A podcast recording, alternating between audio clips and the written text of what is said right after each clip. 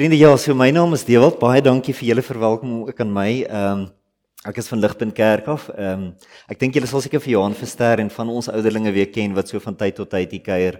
Laaste toe ek by julle was, was julle nog daar bo in Kelgiestraat gewees in die in die auditorium en dit is ook nou al 'n hele paar jaar terug. Ehm um, Maar ja, ek is van Ligpunt Kerk en ek doen van die pastorale werk daarso, sowel as ook hier diakonale werk. En dis eintlik net my deeltydse werk. Uh my voltydse werk vir my drie seuns te probeer mens kry. Uh my vrou sê sy die hardste werk want sy het al vier kinders in die huis wat sy moet probeer mens kry. Ek tel net 3 wat my seuns is, so ek weet nie wie daai vierde ou is nie. Maar uh, dis my voltydse werk en um, so ja, ons het ek is getroud met Cathy, ons het die drie seuns. Ons bly buite uh die ooste. Ehm um, So daarso het ons 'n klomp diere en goeters wat ons probeer uh aan die gang hou. Bokke en ganse en eende en hoenders en makoue en uh, bye en allerlei snaakse goed. Uh klink alles goed op papier, maar glo vir my, dit is nog al 'n dit is nog al 'n ding om om dit als in die gang te hou. Um die drie seentjies, uh Ruben, hy is so 8 jaar oud, uh, dan het ons vir Hudson, die middel eenetjie wat so 6 jaar oud is en dan het ons vir Flynn, die jongste. Um Flynn natuurlik het 'n Ierse naam gekry want sy ma het Ierse bloed in haar en dit help my om te onthou. Dit is dit verduidelik baie dinge. So ons het die drie seentjies ehm um, Nee, ja, toe Ruben gebore is, toe eh, toe was ek dadelik opgewonde want dit was my plan geweest. Die tweede een het my so 'n paar minute gevat, die derde een het ek vir so 'n week net stil gebly. so so ons het die drietjies. So ja, julle, dit is ek en dis dalk so ietsie meer van my as julle wil weet. En ons kan na die tyd bietjie kuier en gesels as julle een gevra het. Ehm um, dankie vir die geleentheid om ver oggend so bietjie by julle te wees en uit die woord ook met julle te deel. Ons is ehm um, hier in Jakobus ver oggend, Jakobus hoofstuk 1. Ons gaan verse 2 tot 18 deurwerk en ek gaan sommer lees uit die uh, eh, 2020 vertaling uit. Ehm um, dis die een wat ons daar by ligpunt gebruik. En uh, so ek sal dit vir ons lees. Julle kan saam met my lees. Ek is nie seker wat se vertaling julle gebruik nie, maar alles behoort mooi saam te praat. So verse 2 tot 18. En uh, ek gaan dit vir ons lees julle en dan uh, gaan ek bid vir myself en vir julle en dat die Here met ons sal werk en dan gaan ons bietjie na die teks inklim. Jakobus hoofstuk 1 vers 2 tot 18.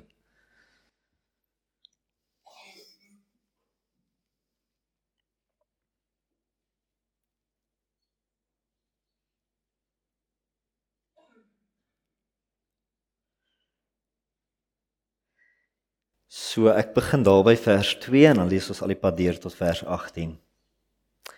Dit sê beskou dit as 'n groot vreugde my broers wanneer allerlei versoekings julle oorval omdat julle weet dat as julle geloof getoets word dit volharding meebring.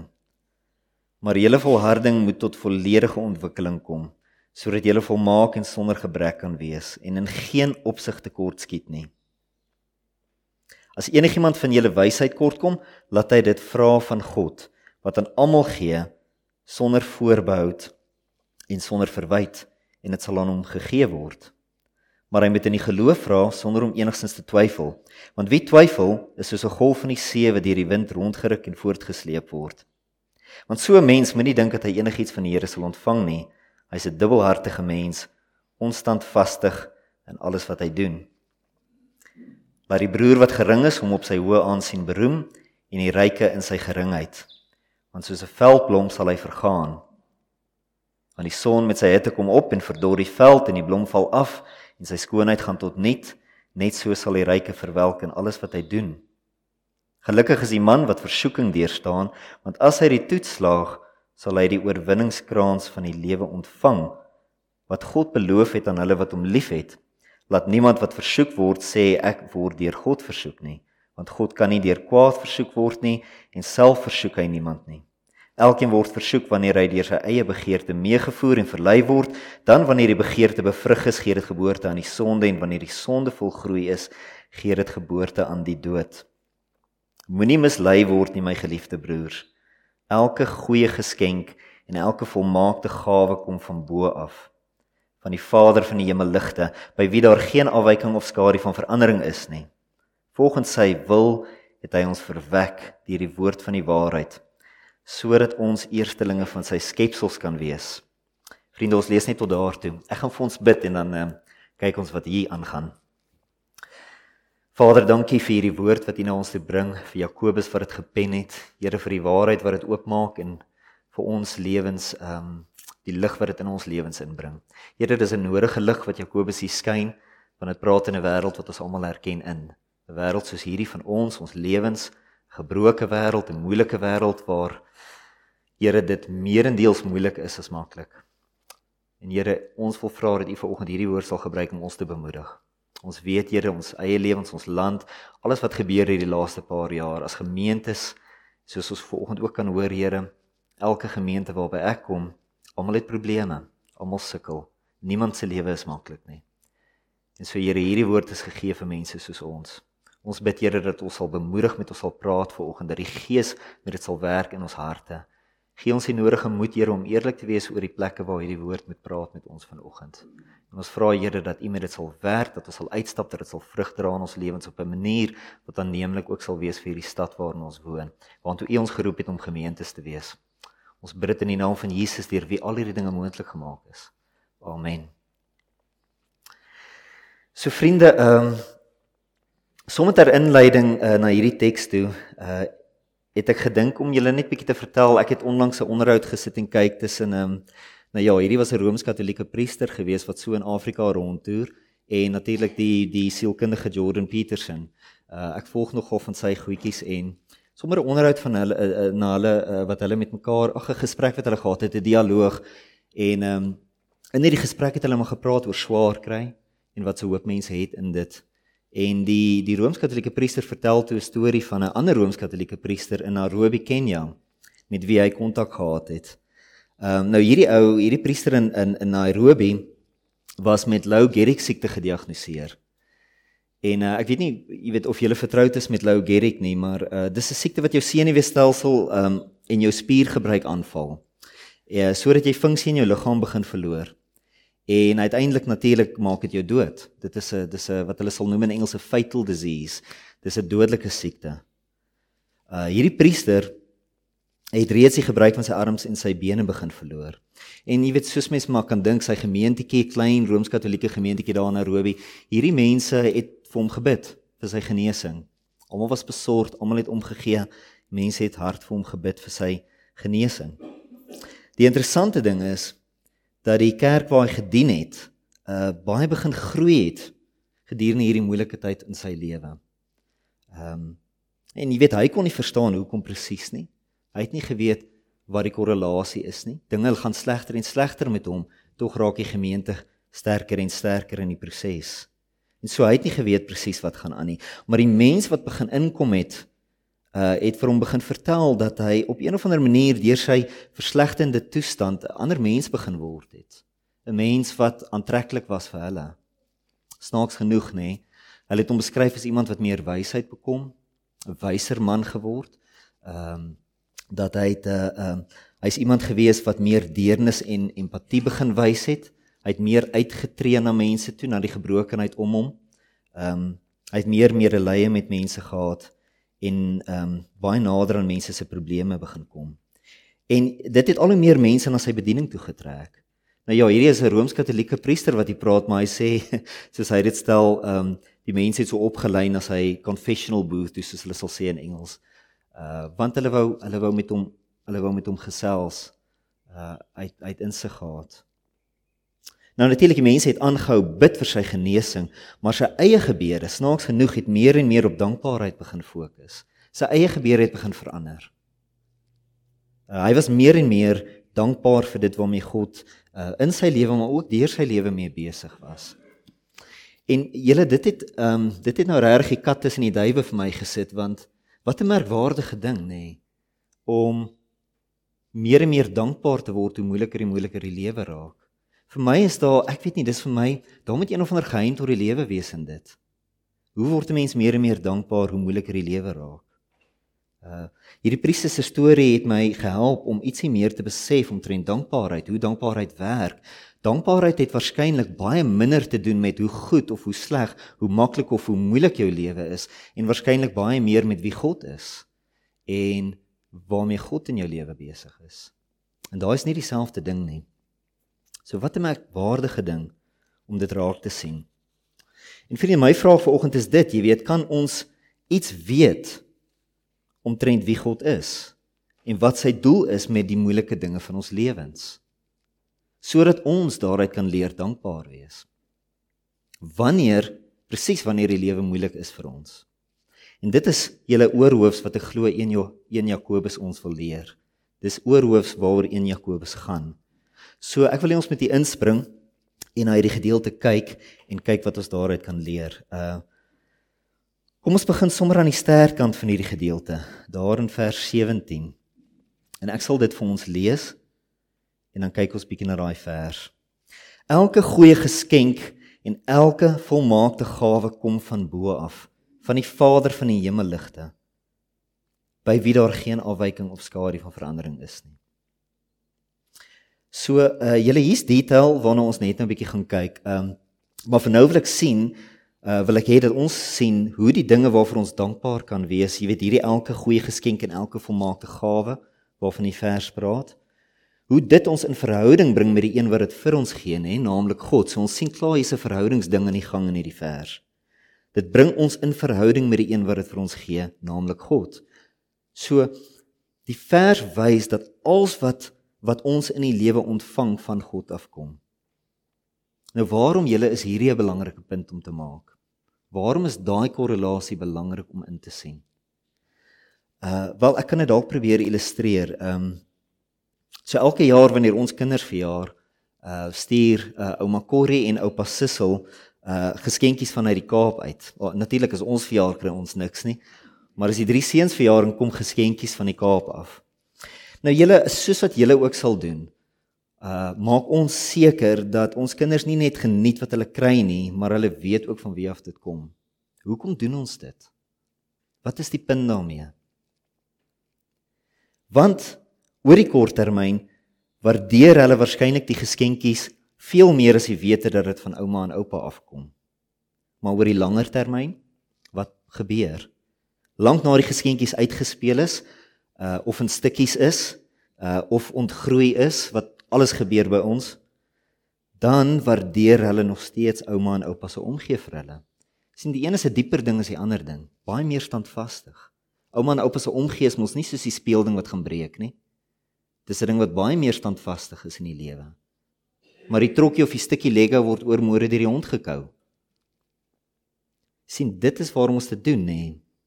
Daar's 'n wesenlike verskil tussen wat gegee word en die een wat dit gee. Nou vriende, uiteindelik het dankbaarheid meer te doen met God se omgee vir ons as wat dit te doen het met wat die lewe ons op enige bepaalde oomblik van die dag gee of nie gee nie. Ons weet almal dat die dinge van die lewe kom en gaan. Uh die dinge van die lewe is op en af. Nee, uh, probeer bietjie vashou aan enigiets in hierdie lewe. Ek het gedink ek kan bietjie vashou aan jonk wees en uh maar uh, dit dit dit gaan bietjie suid. Die grys kom deur. Probeer vashou aan enigiets. Die dinge van die lewe is op en af. Maar die standvaste gewete wat ons het is dit God bly vir ons omgee. Dis die fondasie. Dis die sleutel julle, dis die goue kompas tot die lewe. Dis die geheim. Dis die geheim tot dankbaarheid. En hoe nodig het ons dit nie in hierdie tye waarin ons lewe nie? Ons het 'n vaste rots nodig. Nou ja, julle ek weet nie waar julle almal is uh teenoor teenoor God vanoggend nie en julle verhouding met hom nie. Baie van ons kan waarskynlik argumenteer dat jy weet ons kan dankbaar wees vir dinge in ons lewens sonder dat ons nodig het om God in dit in te bring. Ons hoef nie aan God te glo uh om dankbaar te wees vir ons kinders of vir ons mans of vir ons vroue of vir ons karre of vir ons huise of vir ons werke of vir wat ook al anders in ons lewens aan die gang is nie. Ons kan baie dinge in die lewe waardeer sonder om God in die ding in te bring. Nou goed, dis als goed en wel julle. Maar wat gebeur as enige van hierdie dinge ontneem word? Wanneer dit nie meer genoeg is nie. Wanneer dit verander. Wanneer dit nie bevredigend is nie. Wanneer dit nie uitdraai soos wat ons dit verkies nie. Wat dan? En hoe maak mens nou sin van dinge? Want die dinge self gee nie vir ons die sin nie. Waarop val 'n ou? Ek neem aan soos met julle soos met my, ons wil almal tog ons lewens waardeer eerder as nie. Ek dink nie ek hoef enigiemand te oortuig dat om die lewe te waardeer is baie meer vreugdevol en dit maak die lewe baie meer sinvol vir almal nie. As jy jou lewe waardeer, jou vreugdevolle, sinvolle houding teenoor die lewe is goed vir almal om jou. Dis 'n goeie ding om te hê in die lewe. Maar hoe doen ons dit as die lewe nie net lekker geskenke gee nie, maar jy weet ons ook beproef met dinge wat nie so lekker is nie. Hoe word ons dankbare mense wanneer die lewe dalk nou lekker is, maar net nou dalk nie? En dis presies waarom dit baie keer so moeilik is vir ons om dankbare mense te wees of dankbare mense te bly. Soos hulle sal sê nê, wys my 'n nederige mens, wys my 'n jong mens wat nederig is, wys my 'n ou mens wat tevrede is. Dis moeilik om dankbaar te bly soos wat jy deur die lewe gaan. Die goedheid van die lewe is nie altyd van selfsprekend nie. Julle daarom moet ons ons lewens bou op die omgee van God vir ons. Né? Nee? Dit is hoe ons dit doen. So kyk weer na vers 17 saam met my. Kyk hoe word God daar beskryf, want hierdie vers praat van God se omgee vir ons. Dit beskryf God se omgee. Hoe beskryf dit God se omgee? Hy word daar beskryf, die tweede gedeelte van vers 17, as die Vader van die hemelligte by wie daar geen afwyking of skadu van verandering is nie. Waarom wil Jakobus hierdie punt dryf? Wat word hier gesê? Vir my is die gedagte treffend. Dit wys vir ons dat God se omgee vir ons soos 'n ster is. Dit is wat bedoel word hier met die hemelligte in die vers. God se omgee word vergelyk met 'n ster. Nou julle 'n ster het nie skadu wees nie. Het julle al agtergekom? Die son is 'n ster. Skadu wees op die son? Ons vind dit nie daar nie. Met ander woorde, die gedagte hier is dit: God se omgee vir ons is suiwer. Hy's nooit in jou lewe besig met iets anders of minder as omgee nie. Dis 'n gegewe. God is nooit besig in jou lewe met enigiets anders as omgee nie. Dit is suiwer. Daar's nie 'n versteekte agenda nie. Die vers leer ons ook dat God se omgee die omgee van 'n vader is. Nou ons almal weet dat 'n vader wat ophou omgee vir sy kinders nie 'n goeie vader is nie. Daar's geen kultuur in die wêreld, gelowig of nie, daar's geen gemeenskapkultuur in die wêreld wat dink dat 'n slegte pa 'n goeie idee is nie. Né? Nee? Dis ongelukkig ons almal by tye. Ek onthou na my seuns gebore was het ek vir die ouens wat saam met my gebid het gesê nee, ek dink Ek dink ek kry, ek dink ek het hierdie ding onder die knie. Hulle het maar net gebid dat die Here my genadig sal wees. Ehm um, dis ons almal by tye. Ons is nie altyd die beste ouers nie. Maar God is die Vader by wie, soos die vers dit stel, daar geen afwyking is nie. Met ander woorde, die gedagte is hy bly omgee. Hy gee altyd suiwer om. Daar's geen ander agenda van God in jou lewe nie en hy hou nooit op omgee nie. Nou julle hierdie is nie maklik om te glo nie. Dis nie maklik om hierdie dinge van God te glo nie. So ons moet oortuig word daarvan en dit is presies waar die evangelie van Jesus gaan, nê. Die evangelie van Jesus is die oortuiging, die openbaring van wie God is teenoor ons in sy verhouding met ons. Die evangelie openbaar God se verhouding met ons.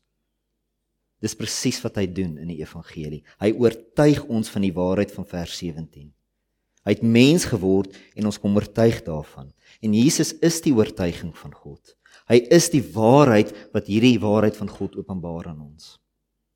Sonder Jesus gaan ons nooit weet is hierdie regtig iets wat ons kan glo of nie omtrent God. Maar Jesus het dit bewys. Hy is hierdie God wat mens kon word het en ons kom oortuig het van sy omgee vir ons. En julle hierse ding wat ons moet weet nê, toe Jesus met hierdie oortuiging kom na ons toe, het ons dit getoets. Ons het gesê, "Goed. Kom ons kyk bietjie of jy hierdie God is." Ons het hom beproef tot op die uiterste. Ons het hom beproef. Toe ons op Jesus spoeg, toe ons hom gesel, toe ons hom met dorings bekroon, toe ons hom met spykers teen 'n stomp vaslaan, toe ons hom verwerp, toe ons hom vervloek, toe ons hom verraai, toe ons hom vermoor, het hy vir ons suiwer bly omgee. Daar was nie 'n ander agenda nie. Daar het nie iets anders uitgekom uit Jesus uit nie. Inteendeel, dit wat ons met hom gedoen het, is wat ons eintlik by hom verdien. Nee, dit moes andersom wees. Hy het aan hom laat doen wat ons verdien omdat hy omgee vir ons. So hoe meer suiwer jy wil ons dit sien. Hoe meer suiwer wil ons God se omgee sien as dit. Die lewe van Jesus word beskryf as die die volmaakte tragedie. Want elke element van 'n tragiese storie wat jy ooit in jou lewe sal lees, speel eers uit in Jesus se lewe. Die volmaakte tragedie. Maar dit is ook die mees suiwere, suiwere, suiwere uh um openbaring van God se omgee vir ons. Dis suiwer julle. Ons hoef nie te twyfel hieraan nie. Die dorings wat ons hom toegedien het, het hy soos 'n kroon in sy omgee vir ons gedra. Dis 'n mooi prentjie daarvan. So julle hoe meer onafwykend wil ons dit sien. Hy het nie opgehou nie. Hy het deur gesien en sy omgee het oorwin. Nou julle, dit is hierdie Jesus wat uit die dood opgestaan het, nê, en vandag uit die hemel oor ons omgee as die God van Jakobus 1:17. Soos Vader so seun. Hy's die seun wat die Vader kom openbaar het. Die Vader van die hemelligte by wie daar geen afwyking of skadu van verandering is nie. Nou vriende, dit is die lig waarin ons met ons lewens omgaan. Alles is nie altyd mooi duidelik lig op die aarde nie, maar dit is die son wat in die lig skyn. Ons is nie verlore op hierdie planeet nie. Daar is 'n son wat skyn. Dit is die lig waarin ons met ons lewens omgaan en waarmee ons vroeg met die gemors van ons lewens baie keer. Elke dag is nie 'n verjaarsdag met lekker geskenke nie, maar elke dag is in die lig en onder die lig van God se omgee. Dis gegee. Dit skyn. Dis in die wêreld. Nou daar's natuurlik julle meriete daarin nê om meer van die lekker dinge in die lewe raak te sien. Want daar is baie daarvan in ons lewens. Daar's baie lekker dinge in ons lewens en dit help ons om meer dankbaar te wees. Maar daar's ook 'n probleem daarmee. Die dinge wat nie so lekker is nie, is ook baie in ons lewens. En die dinge wat nie so lekker is nie, trek die dankbaarheid wat ons het vir die lekker dinge in die lewe baie keer net weer af. So wat's die punt wat ek probeer maak? Ons het meer nodig as net dankbaarheid vir lekker dinge in die lewe. Dis nie standvastig nie. Dis nie behoudend nie. Want baie keer is die dinge wat nie lekker is nie meer as die dinge wat lekker is. En dan kwyn daai dankbaarheid weg. Dit het nie genoeg diepte nie. Ons het meer nodig. Ons het die oortuiging van Jesus se omgee nodig om dankbare mense te wees en te bly. Waar ons nie noodwendig elke dag maklike redes vind tot dankbaarheid in ons omstandighede nie, gee elke dag ons die geleentheid om Jesus se omgee vir ons te waardeer. Dis iets waartoe ons altyd kan bly terugkom. Ons het toegang tot dit. Ons kan daarin rus en troos vind en krag vind. En julle dit is die goeie nuus. Ons oortuiging daarvan is wat ons uiteindelik dankbare mense maak. So kom ek stel dit so. As jy môreoggend wakker word en jy besef dat dit nie jou verjaarsdag is nie, maar inteendeel, dis maandagooggend en die lewe sit soos 'n ton bakstene op jou. En jy draai na die Here toe in jou verknorsing en jy roep uit: Here, ek voel nie baie dankbaar vir my lewe vandag maar help my om te glo dat jy omgee vir my deur die moeilike dinge wat voor my is vandag. Hier's my vraag julle, is jy nou dankbaar of is jy nie dankbaar nie? Is jy 'n dankbare mens of is jy 'n ondankbare mens? Wel, jy is waarskynlik nie so dankbaar soos wat jy kan wees nie. Mens kan altyd meer dankbaar wees. Daar's altyd 'n ou wat vir jou gaan kan sê, "Wees meer dankbaar." Goed en wel maar jy is dankbaar waar dit regtig saak maak want jy is besig om iets van God se omgee ter harte te neem. En ek wil dit so stel julle dat ons besef dis nie altyd hierdie oorwinnende ding nie. Soms is dankbaarheid net 'n vashou aan die hoop dat Jesus sal vir my sal bly omgee vandag. Dit is hoe dankbaarheid soms lyk. Daar's dankbaarheid in dit. Ek wil die woorde van die liedjie deur uh, Gillian Welch um So sy's 'n musikant, 'n uh, uh, bluegrass musiek. Ehm um, tradisionele Amerikaanse soos hulle sal sê folk musiek uit Amerika uit. Uh tradisionele musiek. Gillian Welsh Ehm um, dis 'n liedjie wat sy geskryf het en is 'n hartseer liedjie. Maar ek wil hê ons moet sien dat dit meer as 'n hartseer liedjie is. Dis hartseer, maar is meer as hartseer. So ek gaan dit vir ons lees julle. Sy skryf we lease 20 acres so dis mense wat wat boer en swaar kry, swaar boerdery het. Uh, we lease 20 acres and one genie mule. Die genie mules is wat hulle gebruik het natuurlik om die lande te ploeg. We lease 20 acres and one genie mule from the Alabama Trust. For half of the cotton and a third of the corn we get a handful of dust. So hulle sukkel. We cannot have all things to please us no matter how we try. Until we've all gone to Jesus, we can only wonder why. Dan gaan sy aan, sy sy sing en sy skryf, I had a daughter called her Annabelle. She's the apple of my eye. Tried to give her something like I never had. Didn't want to ever hear her cry. But we cannot have all things to please us, no matter how we try. Until we've all gone to Jesus, we can only wonder why. When I'm dead and buried, I'll take a hard life of tears from every day I've ever known. Anna is in the churchyard now. She's got no life at all. She's only got these words on a stone. We cannot have all things to please us. No matter how we try. Until we've all gone to Jesus, we can only wonder why. Hier is 'n liedjie wat 'n vrou geskryf het uit haar regte lewe uit. Julle is uit seer. En haar lewe is moeilik. En hierdie is verseker iemand in jou familie of jou gesin of jou gemeenskap of jou bure, eers ken jy mense presies soos hy. Dalk is jy self een wat hierdie tipe goed gaan. Haar lewe is moeilik en sy het haar kind verloor. Haar enigste kind het sy verloor. So. Julle hoe lyk dankbaarheid vir haar? Wel, kyk wat sê die liedjie vir ons, nê. Nee. En ek wil nie ligsinnig wees hieroor nie, julle, maar hoor wat sê die liedjie vir ons. Haar seer is by Jesus. Hoekom? Hoekom gaan sy na Jesus toe met haar seer? Wat weet sy? Hoekom doen sy die moeite om na hom toe te gaan? Elke traan wat sy stort, sê sy vir ons, gee sy vir hom. Julle iewers in haar seer moet sy glo dat hy omgee. sien ons die omgee? iewers in haar seer moet sy glo dat hy omgee dat hy iets sal volbring uit haar seer uit meer as dit weet sy nie maar julle wat sy weet is nie niks nie meer as dit weet sy nie maar wat sy weet is baie sy weet meer as meeste mense vat nie haar seer weg nie maar kan jy sien dat dit iets met haar seer doen Sy kommunikeer meer as net haar seer. Haar seer is nie lig nie, dis nie min nie, maar is op 'n anker. Daar's iets onder dit. Sy kommunikeer troos en sy kommunikeer hoop.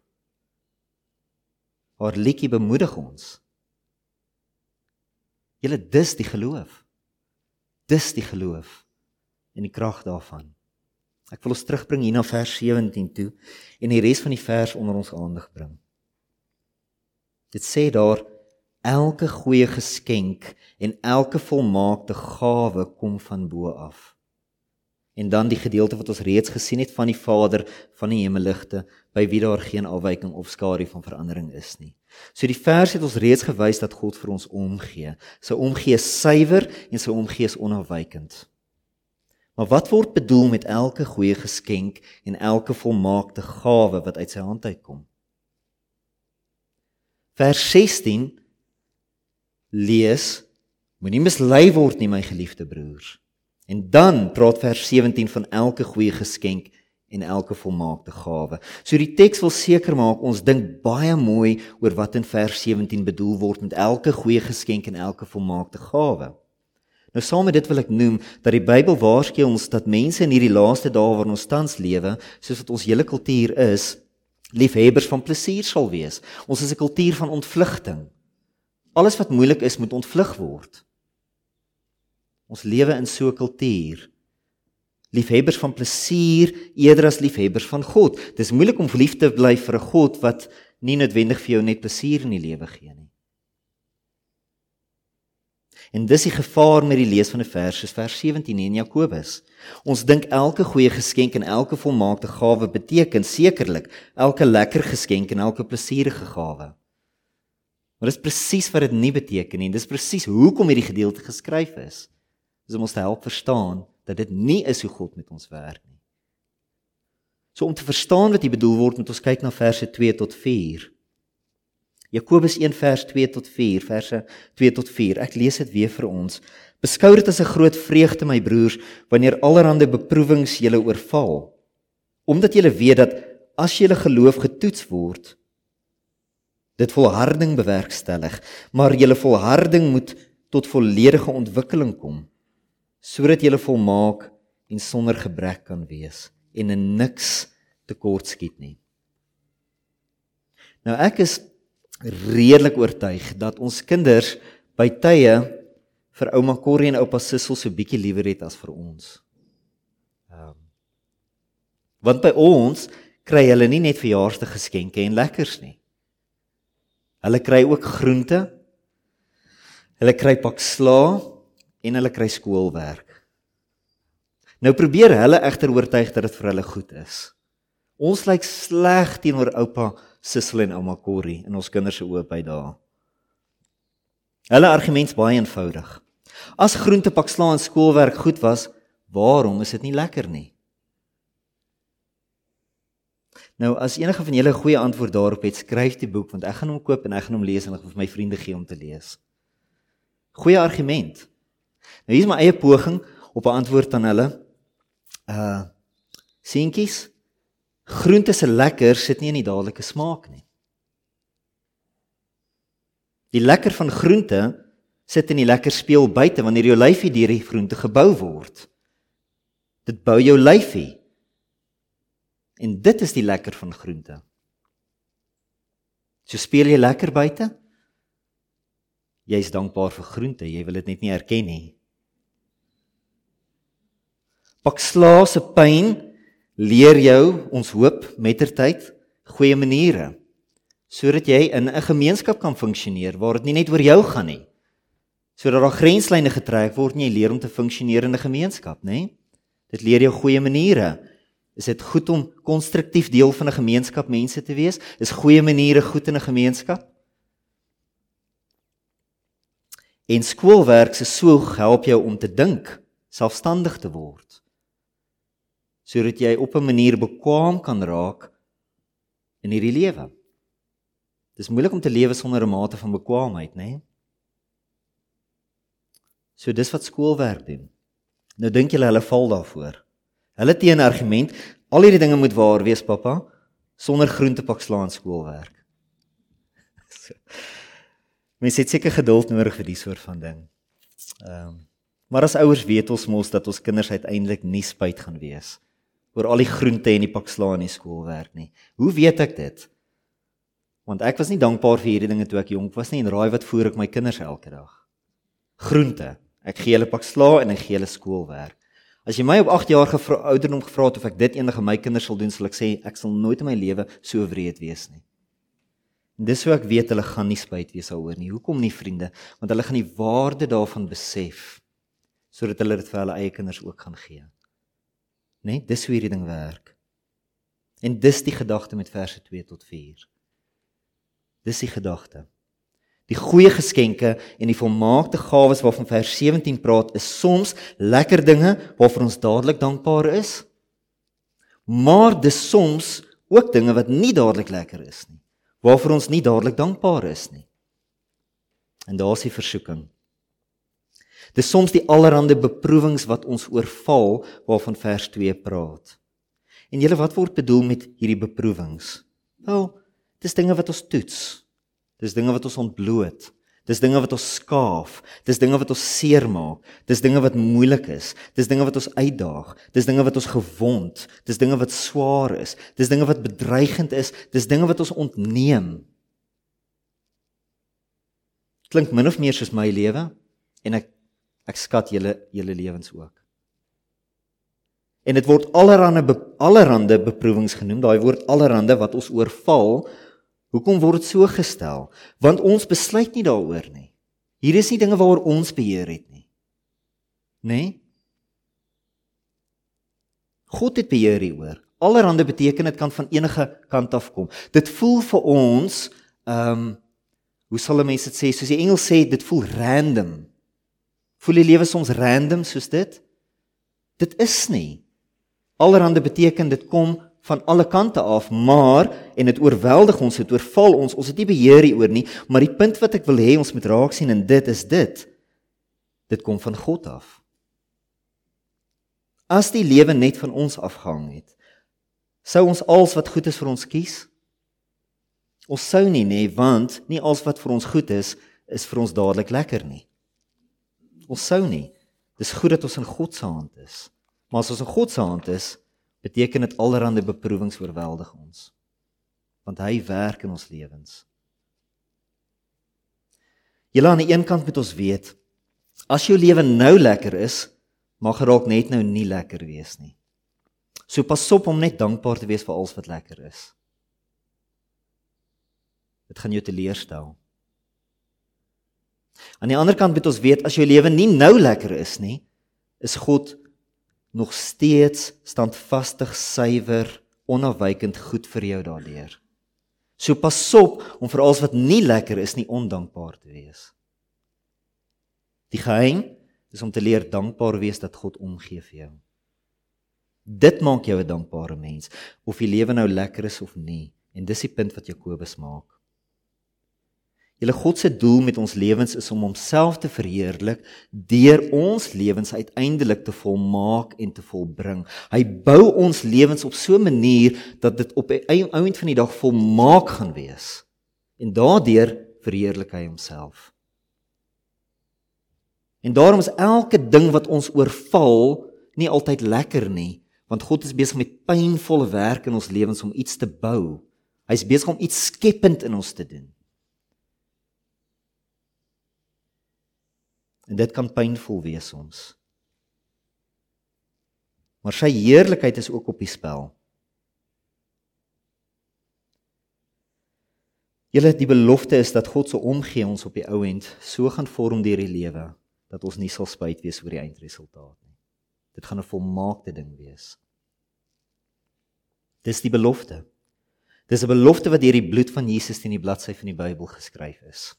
Jy kan dorp toe gaan met dit. Ons durf nie hele ligsinnig en afwysend wees hieroor nie. Ons het dit so nodig om te glo en te hoor in ons lewens daarop te bou. Dis in bloed gegee. Soos die vrou in haar liedjie wat ek vroeër gelees het, kan ons dit nie noodwendig uitpleis nie. So ons probeer nie vinnige maklike antwoordjies gee vir dinge soos haar lewe nie.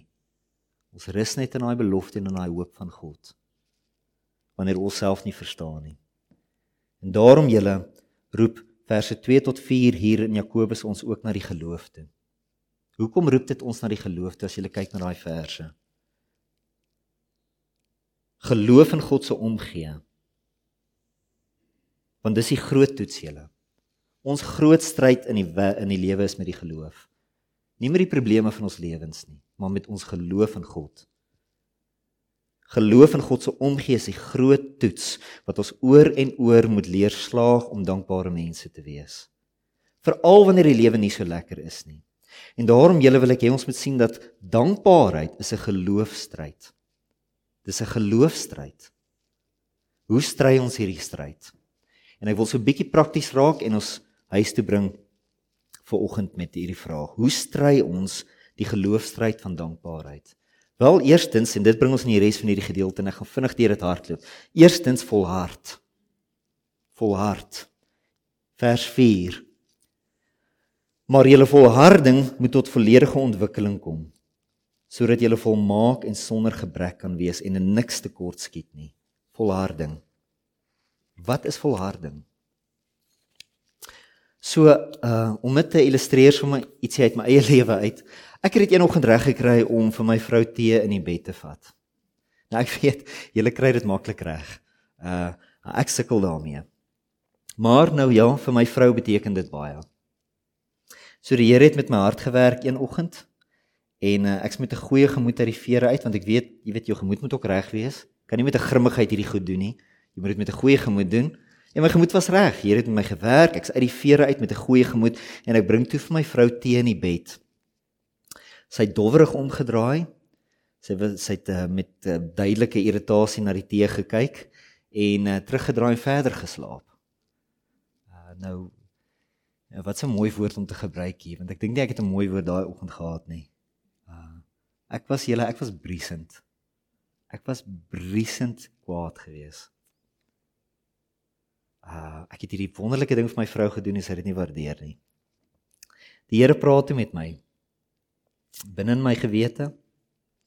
Aan die een kant bemoedig die Here my toe want ek het iets daardie oggend reg gekry wat ek nie die vorige oggend reg gekry het nie. Ek's besig om te groei as 'n gelowige, ek's besig om te groei as 'n Christen. Ek het iets reg gekry wat ek die vorige oggend nie reg gekry het nie. Aan die ander kant het die Here my toe uitgedaag. Want kyk hoe maklik struikel ek. Moet my vrou se erkenning my dien van haar so bepaal? Sy waardeer my koppie tee nie en die res van die dag is nou maar net so. Want dadelik het ek gedink nooit ooit in my hele lewe doen ek weer so iets nie, nê? Nee? Toe daag Here my sê kyk hoe maklik struikel jy. Jy sien julle ek het gedink ek doen heeltemal genoeg deur vir my vrou teen die bed te vat. Toe sê dit nie erken nie. Toe word dit alles heeltemal te veel. Toe kom die Here en daag my dat dit eintlik heeltemal te min is vir 'n gesonde huwelik. Ek het nodig gehad om te leer dat ek dit als die volgende oggend weer moet doen. Met die ekstra wete dat my vrou dit waarskynlik nie gaan waardeer nie. Nou julle ek was nie baie opgewonde oor hierdie skielike vernouing van die pad nie. Ek het gedink my uitstaan en hierdie opoffering wat ek maak vir my vrou teen die bed te gee, gaan die pad breër maak vir my, die lewe makliker maak. Al wat dit gedoen het is dit het die pad nouer gemaak. Ek was glad nie opgewonde hieroor nie. Maar julle ek het iets besef van die volharding waarvan Jakobus hier praat. Dis klippe kou, maar dit vat jou iewers heen wat beter is. Want ek het besef om te volhard in hierdie moeilike ding is eintlik goed vir my huwelik. En dit ontbreek in my karakter. So deur hierdie simpel tee in die bed kwessie in my huis is die Here besig om my te leer lief wees vir my vrou. En julle dis iets wat nodig is en dit is iets wat goed is vir ons huwelik op baie baie vlakke. Mag daar meer van dit in die wêreld wees. Mense wat die moeiliker ding bly doen. Volharding. Is ek dankbaar daarvoor? nee en ja. Ek geniet dit nie per se om vir my vrou teen die bed te vat veral wanneer sy dit nie noodwendig gaan waardeer nie. Dit is nie per se 'n lekker ding om te doen nie. Nou julle almal geniet dit om sulke dinge te doen, ek sukkel daarmee. Wat ek wel waardeer is dit, die Here gee genoeg om oor my en my huwelik om my uit te daag om meer te wees vir my vrou en my na dit toe te roep. Dit doen iets goed in ons huis. En julle daarvoor is ek dankbaar. So eerstens volhard. Dis ons hierdie geloofstryd stry. Ons leer om te verhard, volhard. Tweedens word wys. Verse 5 tot 8. Kom ons lees daai verse. Tweedens word wys verse 5 tot 8. As enigiemand van julle wysheid kort kom, laat hom dit vra van God wat aan almal gee sonder voorbehou en sonder verwyte, en dit sal aan hom gegee word. Maar hy moet in die geloof vra sonder om enigstens te twyfel, want wie twyfel is soos 'n golf in die see wat deur die wind rondgeruk en voortgesleep word. Want so 'n mens moenie dink dat hy enigiets van die Here sal ontvang nie. Hy's 'n weifelende mens, onbestendig in alles wat hy doen. Ehm um, So julle soms twyfel my seun, dalk nie soms nie, uh min of meer altyd dat die skoolwerk wat hy moet doen goed is vir hom. Dan wanneer hy my hulp vra, bedoel hy eintlik daarmee dat ek dit vir hom moet doen. En dit my rukkie gevat om te ontdek dat o, hy het my ek's eintlik besig om sy skoolwerk vir hom te doen. Ehm um, Nou julle dan help dit mos nie hy vra my hulp nie. Want dis nie my hulp wat hy soek nie. Ek moet sy skoolwerk doen. Nou is dit 'n goeie ding om te doen vir hom? Dis nie wat goed is vir hom nie. So gaan ek bly ja sê as hy my vra om sy skoolwerk vir hom te doen. Hy moet sy eie skoolwerk leer doen. As hy bereid is om te vertrou dat sy skoolwerk goed is vir hom om te doen, dan sal my hulp waarskynlik baie help as hy vra daarvoor. Dan help ek hom graag. sien hoe werk hierdie ding. Ons vra die Here baie keer vir hulp, maar wat ons eintlik soek is ontsnapping. Dan kry ons dit nie. Want die Here se doel is om ons te leer om die probleem voor ons met meer wysheid te hanteer. Wie van ons soek nie wyse leiers in die regering nie of soek ons dwaase leiers in die regering? Dis regtig nie 'n stryk vraag nie. Die antwoord is redelik voor die hand liggend. Meer wysheid in die wêreld is goed vir die wêreld. Wyse mense. Ons kry nie die ontsnapping nie, want die Here wil ons leer om wysheid te bekom. Wysheid koop jy nie op 'n rak in die winkel nie. Dit word deur moeilikheid in jou lewe gebore. As ons dit sal waardeer, hierdie werk van die Here in ons lewens om ons wyser mense te maak, as ons dit kan waardeer en die waarde van dit kan begin waardeer in ons lewens. En ons vra dan die Here, Here, gee my dan hierdie wysheid eerder as ontvlugting van die moeilike situasie, dan help die Here ons graag. Hy help ons graag, dis die belofte hier. So die Here gaan ons nie als laat ontsnap wat nie lekker is nie. Hy gaan ons wysheid leer daardeur. En daarvoor kan ons dankbaar wees. Dis deels hoe God vir ons omgee. So as jy in situasies is wat jy net nie uit kan kom nie, begin vra vir die nodige wysheid om daarmee op 'n konstruktiewe, meer konstruktiewe manier om te gaan in jou lewe en die Here help graag. So eerstens julle volhard, tweedens word wys, derdens wees tevrede. Verse 9 tot 11. Wees tevrede. Laat die onbeduidende of die arm broer in sy hoë aansien roem en die ryke in sy onbeduidendheid of sy armoede. Want soos 'n blom in die veld sal hy vergaan, want die son met sy hitte kom op en verdor die veld en die blom val af en sy skoonheid gaan tot niet. Net so sal die ryke verwelk in alles wat hy doen.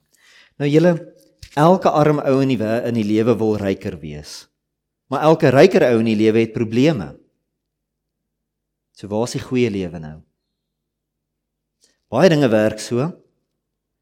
David Paulus en hy se huweliksberader, hy som sy jare van huweliksberading so op. Hy sê elke ongetroude persoon wat my kom sien wil getroud wees. En elke getroude persoon wat my kom sien wil weer ongetroud wees.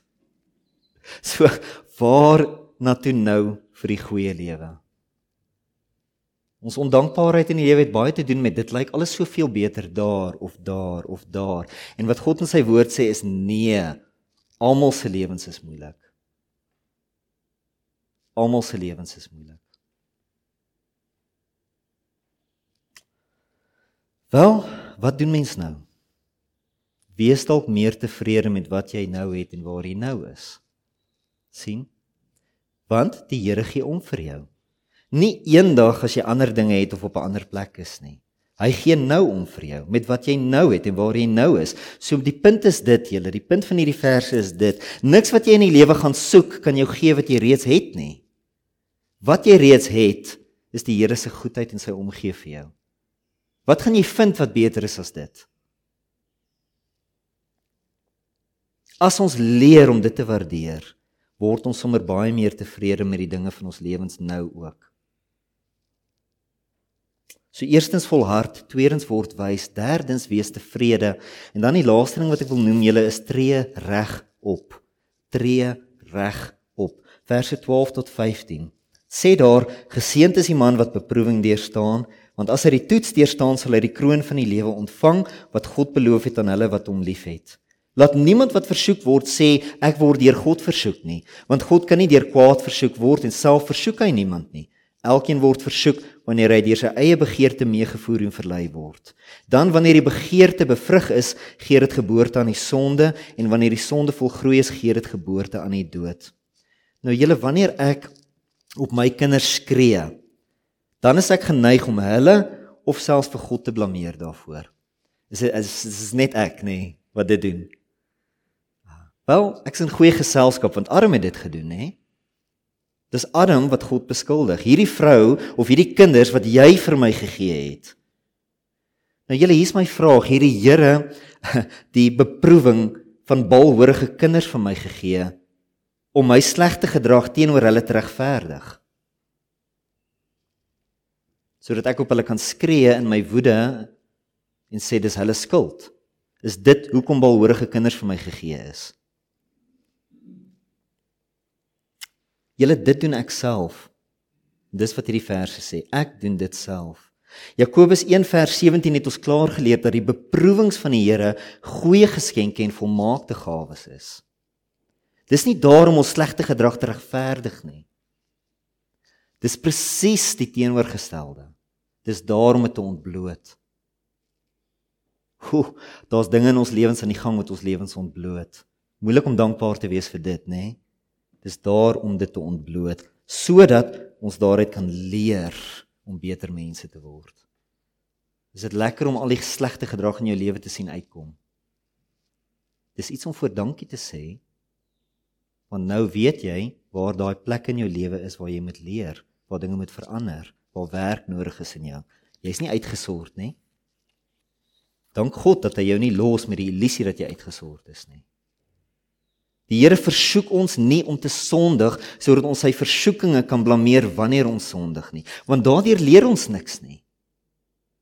Die Here beproef ons om te besef waar ons moet verander, waar ons moet leer om beter mense te wees en dis die gedagte van hierdie verse.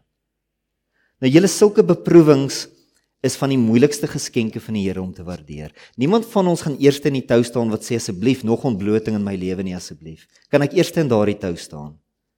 Niemand staan eerste in daardie tou nie. Dis van die moeilikste geskenke van die Here om te waardeer. Maar kyk wat sê daai vers, kyk op begin vers 12, geseend. Dis van die mees geseënde geskenke van die Here om te ontvang. Want God los ons nie waar ons is nie. Dis pynvol, maar mag jy se ou leer, jy word 'n beter mens. En dis die Here se doel. So Jakobus trek hierdie gedagte mooi saam in vers 18 en daarmee wil ek afsluit julle. Sê volgens sy wil het hy ons verwek deur die woord van die waarheid. Die waarheid, wat is die waarheid? Sy omgee. Sy omgee vir ons, die evangelie waarheid. Sodat ons eerstelinge van sy skepsels kan wees. Met ander woorde, God los ons nie waar ons is nie. Hy gee die nodige goed in ons lewens om ons te ontbloot en ons te verander. Sodat ons meer en meer sy beeld kan begin wys, beter mense kan word. Nou julle om hier af te sluit. Dankbaarheid is nie eerste ons reaksie op hoe dinge met ons gaan nie. Dis eerste ons oortuiging van God se omgee. Die lewe is soms lekker, baie keer nie. Maar God is altyd goed en volmaak in sy omgee vir ons. Dit is suiwer, dit is onafwykend. En julle dis die speelveld, die matriks van die lewe. Dis die geheim. Die speelveld vir al die beproewings wat ons oorval. Dis die lens waardeur ons sin maak van alles wat met ons aangaan. Dis 'n een eenvoudige lens. En julle dit is wat ons waardeer. Waarvoor ons dankbaar is. En daarom wil ons volhard leer wys wees leer tevrede wees en leer reg optree in die beproewings van die lewe. Dis ons roeping. Sodat ons hierdie mense kan word waarvan vers 18 praat, eerstelinge van sy skepsels. En ons gaan nie spyt wees oor die eindresultaat van dit nie. Is ons spyt oor Jesus? Ons deel in sy lewe. So julle, kom ons bid oor hierdie dinge. En dankie vir die geleentheid om hierdie gedagtes te deel. Vader, dankie dat ons hierdie woorde kan hoor vanoggend. Dit is moeilike woorde. Dit vereis karakter, Here. Hierdie goeders daag ons om mense te word wat sal durf dankbaar wees wanneer ons lewens nie lekker is nie. Ons het goeie redes, Here, nie in ons omstandighede nie in die evangelie wat ons het. Goeie redes om te leer vertrou wanneer dinge moeilik is, word ons geroep om in daardie moeilike dinge te volhard wysheid te soek te leer tevrede wees en te leer reg optree. En deur daardie hele proses is U besig om deur hierdie beproewings, hierdie goeie volmaakte gawes in ons lewens ons mense te maak wat in niks tekort kom nie. Nie net vir onsself nie, Here, maar dit is die kerk se roeping in die wêreld. Sodat ons in die wêreld waarin ons leef iets van wie God is kan wys ook deur ons lewens. Here, dis 'n uitstekende roeping. Maar dit is moeilik en in onsself het ons nie die krag om in die hand te bly lewe en dankbaar te wees nie. Ons het nodig dat die Gees ons herinner vanoggend dat U goed is vir ons en dat U vir ons omgee en dat U besig is met goeie werk in ons almal se lewens. Here, ek wil bid vanoggend sommer net as 'n seëngroet aan almal dat U vrede oor ons sal wees. En dat U ons sal help om te onthou en te weet dat U regtig omgee, dat U ons nie los waar ons is nie. Help ons om uit te stap vanoggend, Here, met 'n rustigheid. En gee ons die moed om die dinge aan te durf wat voor ons is. En nie te voel ons is verlore daarin nie, maar geroepe te voel na hierdie dinge waarvan ons gepraat het vanoggend. Ons bid dit in die naam van Jesus. Amen.